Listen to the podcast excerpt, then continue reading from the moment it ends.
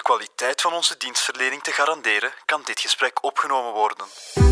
Dag Ewout, alles goed? Zeker, zeker. Gisteren nog een paar rekeningen gekregen. En ja, je weet, ik haat rekeningen, maar ik hou van administratie. Oh, je bent echt een rare jongen. Allee jong, het gevoel van zoiets afgerond hebben. Het is betaald. Het, het briefje is binnen in het ziekenfonds. Dat is toch zalig? Waar heeft Nieuwsblad deze mens toch ooit gehaald? En Allee. waarom is die mijn co-presentator? Zo'n voldaan gevoel van niks meer dat in je hoofd blijft rondspoken. Dat is toch zalig, Christophe? Kom aan. Ik kijk uit naar dat gevoel als ik hier uh, zelfs ga buitenstappen naar de opname. Zeg Christophe, is dat, is dat niet wat beter, jong? Ja, Bert, maar het is ook echt een bittere, bittere aflevering. Start de aangepaste intro. Vanuit de kelders van het nieuwsblad zijn dit de niet zo vrolijke vlekken. Allee, nu liggen hier weer rekeningen.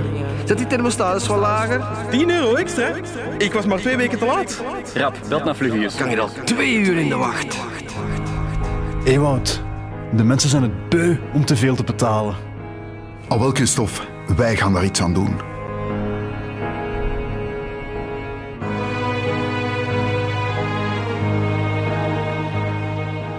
Ewout, ik moet eerlijk zijn. Gelukkig worden als je rekeningen binnenkrijgt, dat is toch iets waarom maar weinig mensen zich in gaan herkennen. Correctie, Christophe. Als ze afgehandeld zijn, hè? dus ik voel me echt goed als die betaald zijn. Gewoon het gevoel, mijn hoofd is vrij. Er hangt zo niks meer rond te spoken van oei, je moet dat nog doen, Ewout, je moet dat nog betalen. Zalig gevoel, gewoon alles op orde, administratie in orde. En daarnaast, ja, ben ik toch vooral blij dat ik ze nog kan betalen in deze ja, harde tijden van crisis. Ja, ja, als je het zo uitlegt, dan, dan ben ik mee. Dan kan ik het zelfs alleen maar beamen. Want je weet, een paar jaar geleden stond het eh, water mij aan de lippen. Hè, toen ik sowieso een klein jaar mijn financiën niet Juist. echt eh onder De zwarte jaren had. van Christophe Bogaert. Een, een zwart jaartje. Ah ja. Eh, maar ja, kom. Dus ik ken wel de stress van een brievenbus vol rekeningen en uw banksoldo met de nul zien flirten en u eigenlijk ja, 24-7 moeten zorgen maken over, goh, ga je dat hier nog allemaal wel betaald krijgen? Ja, ik zie het, het zweet weer een beetje parelen over uw voorhoofd. Eh, moeten we daar trouwens een keer geen een extra podcast van, zo'n prequel of zo van maken? Zo, Prequel, de, het zwarte jaar van Het Christophe. zwarte jaar, ja. Maar dan gaat het nog veel bitterder worden dan deze aflevering al is. Nee, maar pas op, het, het is niet om mee te lachen. Hè. En ik denk vaak ook de laatste tijd van chance dat ik dat toen heb meegemaakt en niet nu. In het midden van een inflatiestorm en een ongeziene energiecrisis. Want de mensen hebben het echt lastiger dan ooit. En echt waar, my heart goes out to them. De rekeningen, de aanmaningen, het bijeenschrapen van alles wat je hebt, het aanspreken van je spaargeld. Goh, het zou niet mogen. Hè. Nee, en de situatie wordt alleen maar erger, want ik lees hier even voor uit een eh, recent artikel op nieuwsblad.be. De incassobureaus zien het aantal dossiers over onbetaalde energiefacturen fors toenemen. Intrum, een van de grootste bureaus in België, spreekt van een toename met 20% En dan, quote, dit lijkt bovendien nog maar het begin. Ja, klinkt onheilspellend, is het ook. Hè? Ja. Is het ook. Nu, de vraag is, hoe zit dat eigenlijk hè, met die aanmaningen? Hoe ver mogen bedrijven gaan? Hoeveel mogen ze dan extra kosten aanrekenen? Als je even je rekeningen niet betaald krijgt. En dan nog een stapje verder, Christophe. Wat als je op de gevreesde zwarte lijst belandt? Ja, en wat is dat eigenlijk, die... Ja, de horror, de hel. Maar first things first, voor de zwarte lijst. Stel, Christophe, er is een parallel universum waar ik al mijn administratie niet op orde heb. En stel dat ik, gebeurt nooit, dat ik eens een rekening vergeet te betalen. Ik heb niet op tijd betaald. Wat gebeurt er dan? Ja, als het gaat over een, een deftig bedrijf, zal ik maar zeggen, dan zal je waarschijnlijk een eerste herinnering krijgen zonder extra kosten. Simpelweg omdat het bedrijf ja, rekening houdt met het feit dat een vergetelheid altijd wel kan. Hè. Pas op, er zijn er die meteen vanaf de eerste herinnering daar ook administratiekosten bovenop gooien. Hè. Ja, en dat is spijtig genoeg voor de klant ook een goed recht. Hè. Eh, Een bedrijf Zeker. kan altijd in zijn algemene voorwaarden zeggen van kijk, als je niet betaalt, zijn er kosten verbonden aan die herinnering. Eh, maar ja, het moet, zoals ik zei, duidelijk vermeld staan in de algemene voorwaarden. Je weet, dat zijn zo die kleine lettertjes dat je gewoon ondertekent zonder ze Ja. ook maar te bekijken. Hè. En die dan, als het zover is, u bij uw pietje Ja, hebben. klopt, Ja. exact. Maar er zijn gelukkig wel nog uitzonderingen. Bijvoorbeeld de telecomsector. Daar is het al verboden om bij de eerste herinnering kosten in rekening te brengen. En de daaropvolgende herinneringen mogen niet meer dan 10 euro aan extra kosten met zich meebrengen. Maar energieleveranciers bijvoorbeeld, die doen wat ze willen. Hè. Als die al vanaf de eerste herinnering een administratiekost willen aanrekenen en het staat in de algemene voorwaarden, tja, dan heb je als klant eigenlijk geen poot om op te staan. En ga je die administratiekosten, vaak is dat zo rond de 8 à 10 euro, ja, moeten betalen. Hè.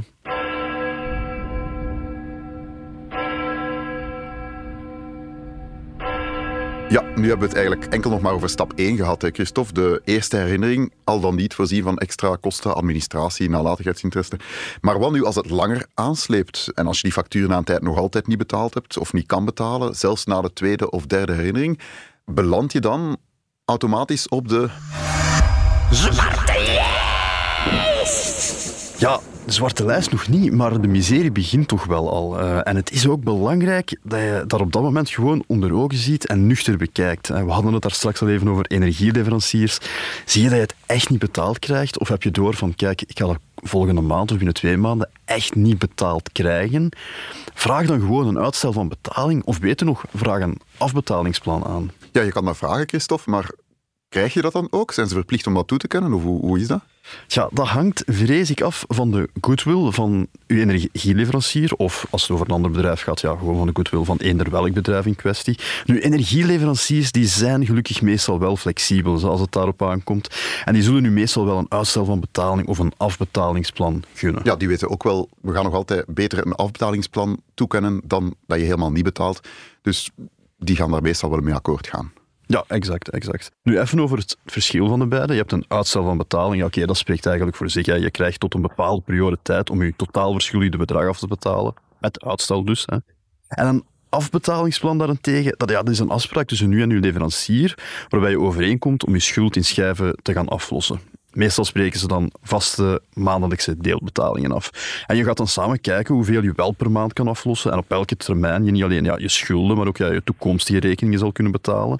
En ja, je zal er met andere woorden misschien in de praktijk anderhalf jaar of langer over doen om uw jaarfactuur aan energie te betalen. Ja, en je zei daarnet, uitstel van betaling of beter nog, afbetalingsplan. Waarom is dat beter of waarom vind jij dat beter?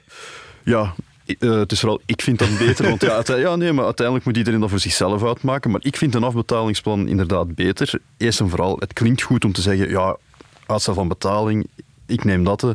En ik zal dat geld wel bij elkaar krijgen binnen, ik zeg maar iets, drie maanden, komt in orde. Maar ja, wat als dat niet zo is... Heb je dat gewoon uitstel van executie dat je doet? Voilà, dat is niet alleen uitstel van betaling, maar inderdaad ook uitstel van executie. Want als je dat niet haalt, dan zit je weer met de reddingskosten, die administratiekosten of nalatigheidsinteresse, hoe dat je het wil noemen.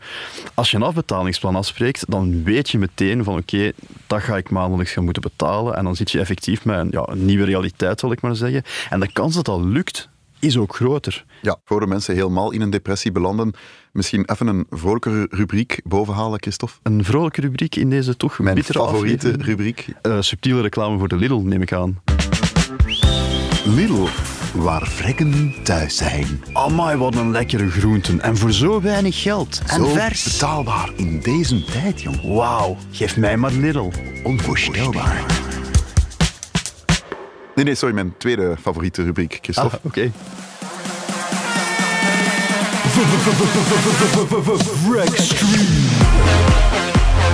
Ja, uh, onze besparingstip van deze week die komt van Hilde.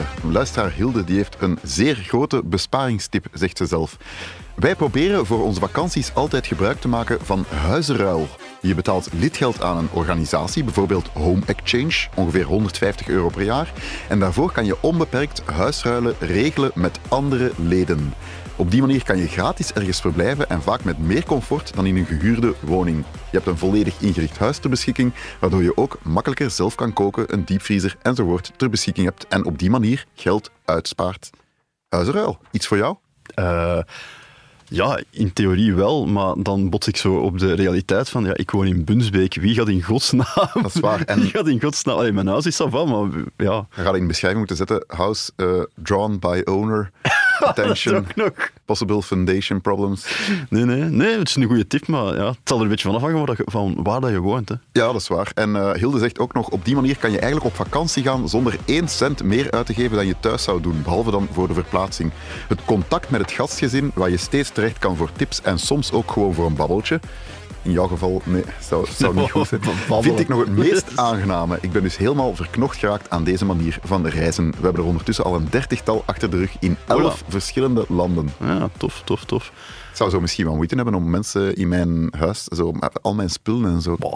Ik heb bijna geen spullen, dus dat valt goed. Dat is, dat is ook wel waar. Heb je zelf een eh, geniale Vrexstream tip voor onze volgende aflevering? Stuur die dan zeker door via podcast.vrolijkevrekken.be of via Instagram at vrolijkevrekken. Ja, en woon je toevallig in eh, Miami en eh, denk je van, ik ben het hier beu, ik ga liever even in Bunsbeek zitten, contacteer mij zeker en dan Ja. wisselen we wel even. Hè. Alleen opgepast voor de trajectcontroles. Ja.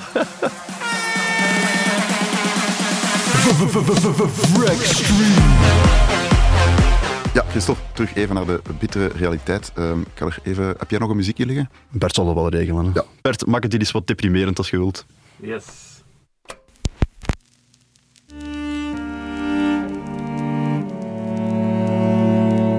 Dus stress, hè, Christophe? Eh, stress om te betalen. Ja, klopt. Ja, we hebben het daar vorig seizoen al over gehad. Stress en geld, dat gaat niet samen. Enfin ja, het hoort eigenlijk samen zoals een boterham met confituur. Confituur uit de Lidl uiteraard. Ah, want ja. het is Extra echt goed. Ja. lekkere confituur dat dat is en goedkoop. Mm, jam, jam, jam.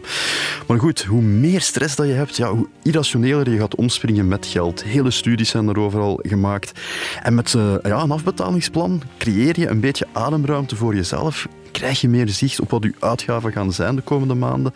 En dan ga je daar normaal gezien ook ja, je beter aan houden.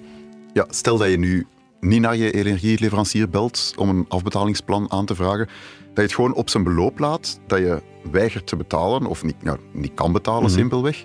De facturen stapelen zich op. Wat gebeurt er dan? Ja, dan ga je uiteindelijk een brief krijgen die dat je liever nooit krijgt.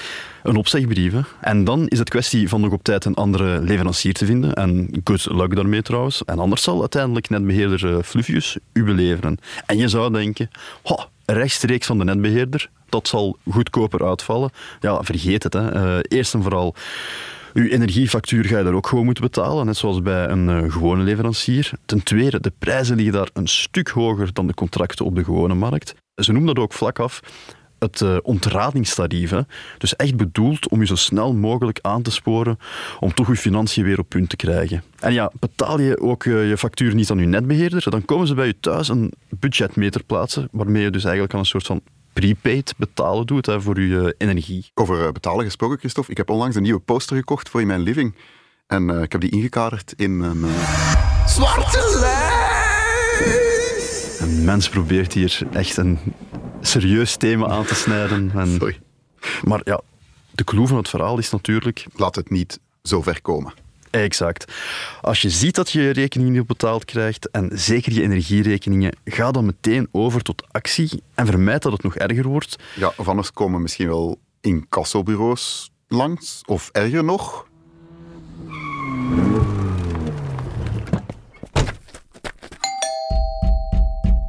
De gerechtsdeurwaarder! echte gerechtsdeurwaarder. Eerst en vooral, een incassobureau, dat kan eigenlijk al de hele tijd betrokken partij zijn in alles wat we tot nu toe hebben verteld. Hè. Dus een incassobureau is eigenlijk een bedrijf dat gespecialiseerd is in alles wat we dus al hebben aangehaald. En het kan dus zijn dat een bedrijf eh, een incassobureau heeft ingeschakeld om u die aanmaningen te sturen, om eh, met u een uitstel van betaling of een betalingsplan af te spreken. Ja, een incassobureau is eigenlijk een bedrijf dat, dat eh, er alle baat bij heeft dat mensen hun rekening niet kunnen betalen, want die cashen dan heel Ja, hoge premies op, Dat is op ook waar. onbetaalde rekeningen. Hè. Ja, ja, ja, ja, ja. Maar dat is dus nog iets anders dan een gerechtsdeurwaarder. Eh, maar kom, loopt dat helemaal fout af met eh, een incassobureau, dan kan zo'n bureau wel gaan samenwerken met een gerechtsdeurwaarder. En aan uitspraak van een rechter hebben die de bevoegdheid om beslag te leggen op je spullen of loon. Ah, kom, heeft dat keer allemaal hier dat ik dat meepak. Naar Brussel. Maar dat is dus een hele complexe procedure en die kost u als Uit het schuldenaar... verre West-Vlaanderen, precies. Ja. Heel complex. Ja, maar dat, maar dat is dus een hele complexe procedure en die kost je als schuldenaar bovendien nog een pak extra. En ook voor de schuldeisers is dat eigenlijk heel tijdrovend. Vandaar ook dat dat zo'n beetje de last resort is en dat bedrijven, of dat nu energieleveranciers of, of andere bedrijven zijn, echt wel moeten gaan doen om iets in der mine te regelen en u een uitstel te verlenen. Hè. Ja, stel nu dat het toch hè, zo ver komt, de gerechtsdeurwaarder komt langs. Merci voor de klanditie, hé. Kom volgende week weer. Ja. Stel dat dat is gebeurd, Christophe. Beland je dan op de gevreesde... Eh, nee, nee, toch Maar niet. allee, wat moeten mensen hier doen om op de zwarte lijst te gaan? Ja, maar het is echt wel duidelijk dat je altijd je rekeningen betaald hebt, hè, Ewout. Ja, Eh, want je bent totaal niet mee. Nee, nee, dus eh, die zwarte lijst, dat is nog iets helemaal anders. Daar beland je op als je je leningen niet tijdig hebt afbetaald. Ah, uw leningen zoals uw hypotheek bijvoorbeeld. Zoals hypotheek, ja. ja. Maar ook gewoon eender welk krediet dat je bent aangegaan voor privédoeleinden. Hè. Dus voor een auto, voor verbouwingen, voor een reis, eh uw visakaart, alleen noem maar op. Ja, want kredietkaarten zijn ook gewoon ja, lopende kredieten. Ja, ja, exact, exact. Dus, en als je daarmee in de problemen komt, dan beland je op... De zwarte lijst van de Nationale Bank van België. Heel mooi, heel mooi, Ewout, heel mooi. En hoe marcheert dat juist, Christophe? Behalve dat je je stem helemaal compleet om zeep schreeuwt. Wel, eh, alle kredieten voor eh, privédoeleinden die worden afgesloten, die worden bijgehouden door de Centrale voor Kredieten aan Particulieren van de Nationale Bank van België. Oké. Dat is een, Zet dat op uw visitekaartje, dat is wel... Ja, eh, exact. We hebben zo een, een uitklapbare poster nodig. eh, enfin, dat is eigenlijk een lijst met info, en die wordt ook wel eens het positieve luik genoemd. Hè. Kredietgevers zijn verplicht om die centrale van de Nationale Bank dus binnen de twee werkdagen op de hoogte te brengen van een nieuwe ja, dus- kredietovereenkomst. dus stel dat je een nieuwe visakaart aanvraagt, hebt, je, je krijgt die, Ja. op dat moment wordt dat toegevoegd aan dat register. Voilà, binnen de twee dagen weten Ja. ze dat in Brussel. En, Nu, waar een positief luik is, is er ook een negatief luik. Kredietgevers moeten de centrale ook op de hoogte brengen over eventuele betalingsachterstanden. En dat is dan de befaamde zwarte lijst. en belandt je daar dan snel op? Vanaf de eerste, ik weet het niet, visakaartherinnering? Of Wel, nee, nee, nee, nee. Dus gelukkig beland je daar niet van de eerste de beste keer op. Het is natuurlijk de bedoeling dat je ja, je lening op tijd terugbetaalt. Maar als het eens niet lukt, ja, dan moet de kredietgever u ten eerste op de hoogte brengen van die achterstallige betaling. Ten tweede, hij kan u ook informeren over de mogelijke gevolgen. En u bevragen waarom dat je deze keer niet je aflossing gehaald hebt. En of dat volgende maand dan kan worden bijgepast en zo. Dus je krijgt dus wel de kans om uw wanbetaling recht te zetten. Hè. Maar zodra dat die wanbetalingen voldoende zwaar zijn, zal de kredietgever dat ja, verplicht, wettelijk verplicht, moeten melden bij de Nationale Bank. En die melding zal dus vervolgens leiden tot een plek op de zogeheten zwarte lijst. En staat er veel volk op die... Zwarte lijst. Dat is, dat is echt uw eh, favoriete tussentuntje van het seizoen. Hè? Sorry, ik ga dat als ringtone instellen, denk ik. Ja, is goed. Nee, nee. eh, Het aantal personen dat is moeilijk te zeggen, want er, zijn wel cijfers over het aantal achterstallige kredieten. Maar ja, een persoon kan, kan er meerdere... hebben, ja, voilà, voilà. Nu, wat betreft die cijfers, in ieder geval in mei, hè, toen dat de crisis nog, eigenlijk nog echt moest Ja. losbarsten, hè, eh, zaten we daar al op 399.223 achterstallige Oh. kredieten. Allee, pakt 400.000 dus. Ja. Dus dat, is, eh, dat kan al Dat is tellen. wel eh, aanzienlijk, ja. Nu, en de gemiddelde betalingsachterstand was bij een consumentenkrediet Ja. 3.366 euro. Amai. Ja, maar amai zeg je, maar bij hypothecaire kredieten was dat 40.232 euro. Dus wie op de zwarte lijst staat, die staat gemiddeld, allee, als het over hypotheek gaat, 40.000 euro achter. Dat is, eh, dat is een fameus bedrag. Ehm, en, en stel, je staat daarop eh, met een achterstand. Wat zijn dan de concrete gevolgen? Wel, dat is eigenlijk heel simpel. Je krijgt gewoon voor niks nog een lening, voor niks nog, allee, eender welk krediet, zelfs een visakaart, dat, dat krijg je niet meer vast. Want als jij een lening aanvraagt, dan gaat uw kredietgever altijd eerst die zwarte lijst checken. Sta je daarop, dan mag uw kredietgever zelfs geen nieuwe Het lening is een beetje toestaan. ter bescherming van de kredietgever, maar ook wel de kredietnemer. Want ja, je gaat jezelf niet nog dieper in de schulden Ja, steken. ja, klopt. Dus en het, het enige wat erop zit, is uw bestaande schuld zo snel mogelijk terug te betalen. En om daarvoor te zorgen, kan het zijn dat de Nationale Bank een procedure instelt om beslag te leggen op uw loon. En het kan ook dat de Nationale Bank een uh, gerechtsdeurwaarder ja, beslag laat leggen op uw roerende en onroerende goederen. Hè. Ha, dat ziet er mijn ferme auto uit. Dus ja, als je nog wil lenen, moet je dan eigenlijk gaan aankloppen bij vrienden en familie en hopen dat die nog iets willen. eh, Ja, vrienden, Afstaan. familie, andere loesje figuren, zoals bijvoorbeeld uw podcastcollega, ik, ik zeg maar niet. Hè. Oké, dat is duidelijk. Eh, nog één vraag, Christophe. Stel dat je nu op die lijst staat, je bent erop beland, heel jammer. Ehm, je betaalt al je kredieten terug. Ben je dan meteen weer geschrapt uit die lijst? Nee, nee, nee. Dat is eh, het zeer vervelend eraan. Hè. Dus je geraakt er ook niet op 1, 2, 3 op, toegegeven, maar je geraakt er ook helemaal niet in 1, 2, 3 terug af. Dus zelfs als je schuld eh, geregulariseerd is, dus dat wil zeggen dat je alle ja, achterstallige betalingen hebt aangezuiverd, dan ga je nog een jaar op die zwarte lijst blijven staan. Dus je moet echt een jaar in orde blijven, alvorens je weer normaal kan gaan lenen en van die zwarte lijst belandt. En ja, als dat niet lukt en de zaken blijven aanslepen, dan kan je zelfs tot eeuwig, hou je vast, tot tien jaar op die zwarte lijst blijven staan. Tien jaar, dat is een, eh, alweer een, een deprimerend einde Ja. van deze aflevering. Eh Christophe, misschien om de gemoederen wat, wat, wat vrolijker te maken, kan je mij eens vragen wat een merel is? Wat moet ik doen? Kan je mij eens vragen wat een merel is? Eh, wat, wat is een merel? Ah, een merel, Christophe, goed dat je het vraagt. Dat is een zwarte lijster! Oh, jongens toch. Man, man, man, man, man. Wat gaat ons Karen daarvan zeggen? Ja, we hebben de kwestie ook voorgelegd aan onze kritische buurvrouw Karen. Geen idee of zij op de lijst staat, Christophe, eh, maar ze reageerde als volgt. Het zou mij niet verbazen in ieder geval. Crisis, crisis, crisis. Ik krijg mijn rekeningen niet betaald. Ik snap er niks van. Ik heb de thermostaat nogthans verlaagd van 25 naar 24 graden. En ik heb zo'n zware hypotheek. Wat moet ik doen om niet op die lijst te belanden? Alhoewel, zwart slankt wel af. Einde citaat. Ja, de hypotheek, hè, Christophe, dat is tegenwoordig ook bijna het dilemma in veel gezinnen. Wat betaal ik, mijn hypotheek of mijn energiefactuur? Wat, wat raad jij aan? Ja, kijk, ik kan alleen maar herhalen wat ik eerder in deze aflevering heb gezegd. Pak het direct aan. Kan je je hypotheek niet afbetalen? Voel je erbij hangen dat je ze binnenkort niet meer gaat kunnen afbetalen? Neem die telefoon op, bel naar je bank, leg je situatie gewoon uit. Je kan bijvoorbeeld je betaling op pauze laten zetten en je hypotheek even laten ja, Ja, on daar hold is nu zetten. een extra regeling voor ook. Door Ja. de energiecrisis, dat je dat gewoon kan doen als je in de problemen komt. Ze gaan je dat veel soepeler toekennen. Ja. Ja, En dan betaal je gedurende een periode alleen de rente terug en de rest van het kapitaal betaal je dan later terug. Dat kan een tijdelijke oplossing zijn. Nu, een andere optie is om de looptijd van je lening te verlengen en dan betaal je wel langer af, maar ja, dan zakt je maandlast wel. En dat kan via een wijziging van een bestaande lening of via het afsluiten van een nieuwe lening, dus de zogenaamde herfinanciering. hè. Ja, dan zit je natuurlijk wel met het risico dat je op termijn meer gaat betalen, omdat de rente hoger gaat liggen. hè. Dat is waar, dat is waar. Maar stel nu dat je een vaste lening hebt op, oh, ik zeg 20 jaar, ja, dan maakt dat nu ook niet zoveel uit. Hè, want het bedrag dat je afbetaalt, wordt door de inflatie toch minder waard. Dus Ja, ja, op klopt. papier, ja, eh, weet je, het, het kan wel. Het kan inderdaad in, op lange termijn duizend of allee, een paar duizend euro meer kosten, akkoord. Maar ja, aangezien dat dat toch over zo'n lange tijd gaat en je met inflatie zit, ja, dat event Ja, je wel loon een beetje stijgt uit. je- ja, ja, ja, ja. Ja, klopt. En plus, niemand houdt u tegen om in de toekomst, wanneer dat je het er weer beter voor staat, om nog eens een herfinanciering te doen en uw lening weer te laten aanpassen. Ja, inderdaad.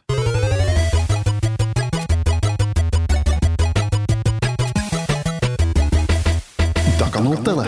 Christophe, waarmee gaan we tellen vandaag? Met brood. Brood. Oud brood zelfs. Oud brood. ja, oud brood. Nee, het is echt waar. Het soort dat jij aan je kinderen geeft? Of Nee, dat zijn van die... dat zijn verstandige zakken havermout die Nee, nee, nee, nee. Die, die, zijn, die zijn zot op eh, allee, gewoon broodjes. En eh, dan, ja... Ik, Als die van afgebakken Ja, van die Oh, afbakbroodjes, ja. Van, van de Lidl. Ah, ja, Kei lekker. Ja, maar nee, die zijn echt heel lekker. Kinderen eten niks anders. Allee, ik bedoel, die eten wel iets anders, maar... Nee, nee, die eten niks anders, Christophe, zeg het maar. Maar brood. Brood, brood, brood, brood. Het is brood nodig dat we terug tot de essentie van deze rubriek gaan. Ja, het stond onlangs op uh, nieuwsblad.be. hè. Ook een hele goede nieuwssite trouwens, moet ik toch even zeggen. Nee, veel mensen gaan nog wel naar de bakker, maar vragen vlak af een brood van gisteren. Hè. En dat klinkt misschien iets dat eerder zou thuis horen in de voor extreme. Maar zo extreem is dat eigenlijk niet. Hè. Want een brood dat een dag oud is, dat is vaak nog, het nog is even dat. lekker. En is het dan niet, dan kan je het nog altijd in de broodrooster steken voor een lekkere toast. Mag ik er ook monsieur van maken? Voilà, exact. Of Maar- even in de oven met een beetje water. Ja, kan allemaal. Nu, je zou denken, dat brood maakt al veel uit. Maar dat is echt, echt ik was ervan verschoten. Allee, het is echt een serieuze besparing hoor. Serieus? Hoeveel, Ja, ja. eh, Maar je moet rekenen dat de gemiddelde broodprijs bij een gewone bakker 2,7 euro is. Oud brood wordt meestal aan de helft van de prijs verkocht, naar bovenaf gerond. Hè, want tegenwoordig wordt het naar bovenaf gerond, Ja. is dat 1,4 euro. Ja, maar als je nu elke dag een oud brood in plaats van een nieuw koopt, rekent dat een keer uit, hè? Dat is 365 dagen, maal 2,7 euro. Dat is 985,5 euro voor een nieuw brood. Koopt een keer elke dag een brood van gisteren, dan is dat 365 dagen maal 1,4 euro. Dat is 511 euro. Ja, maar dat is een jaarlijks verschil van 474,5 euro, hè? En voor dramatisch effect, Ja, ja, ja. Hoeveel bespaar je zo in 10 jaar tijd? 4745 euro. Schrikkeljaren niet ingerekend. Ja, dat is waar. Daar had ik nu even geen... eh, Een beetje jammer dat je dat over het hoofd ziet. Maar bon, het is wel keiveel geld. 4700 euro, ja. Ik kan al tellen, hè. Dat ik weet wat ik eh, in het vervolg ga eten. Ah, verdomme. Weer een stuk tand kwijt. Wij zijn nog steeds Christophe en Ewout en al jullie ultieme tips of uh, Vrexstream tips mogen naar podcast.vrolijkevrekken.be of via Instagram at vrolijkevrekken. En wil je meer... Ah, tante. En wil je meer lezen over geld en besparen? Surf dan naar liedschap.be schuinstreep vrolijke vrekken. En waarover gaan we het volgende week hebben, Christophe? Ja, misschien moeten we eens terug naar Turkije. Uh, Alania.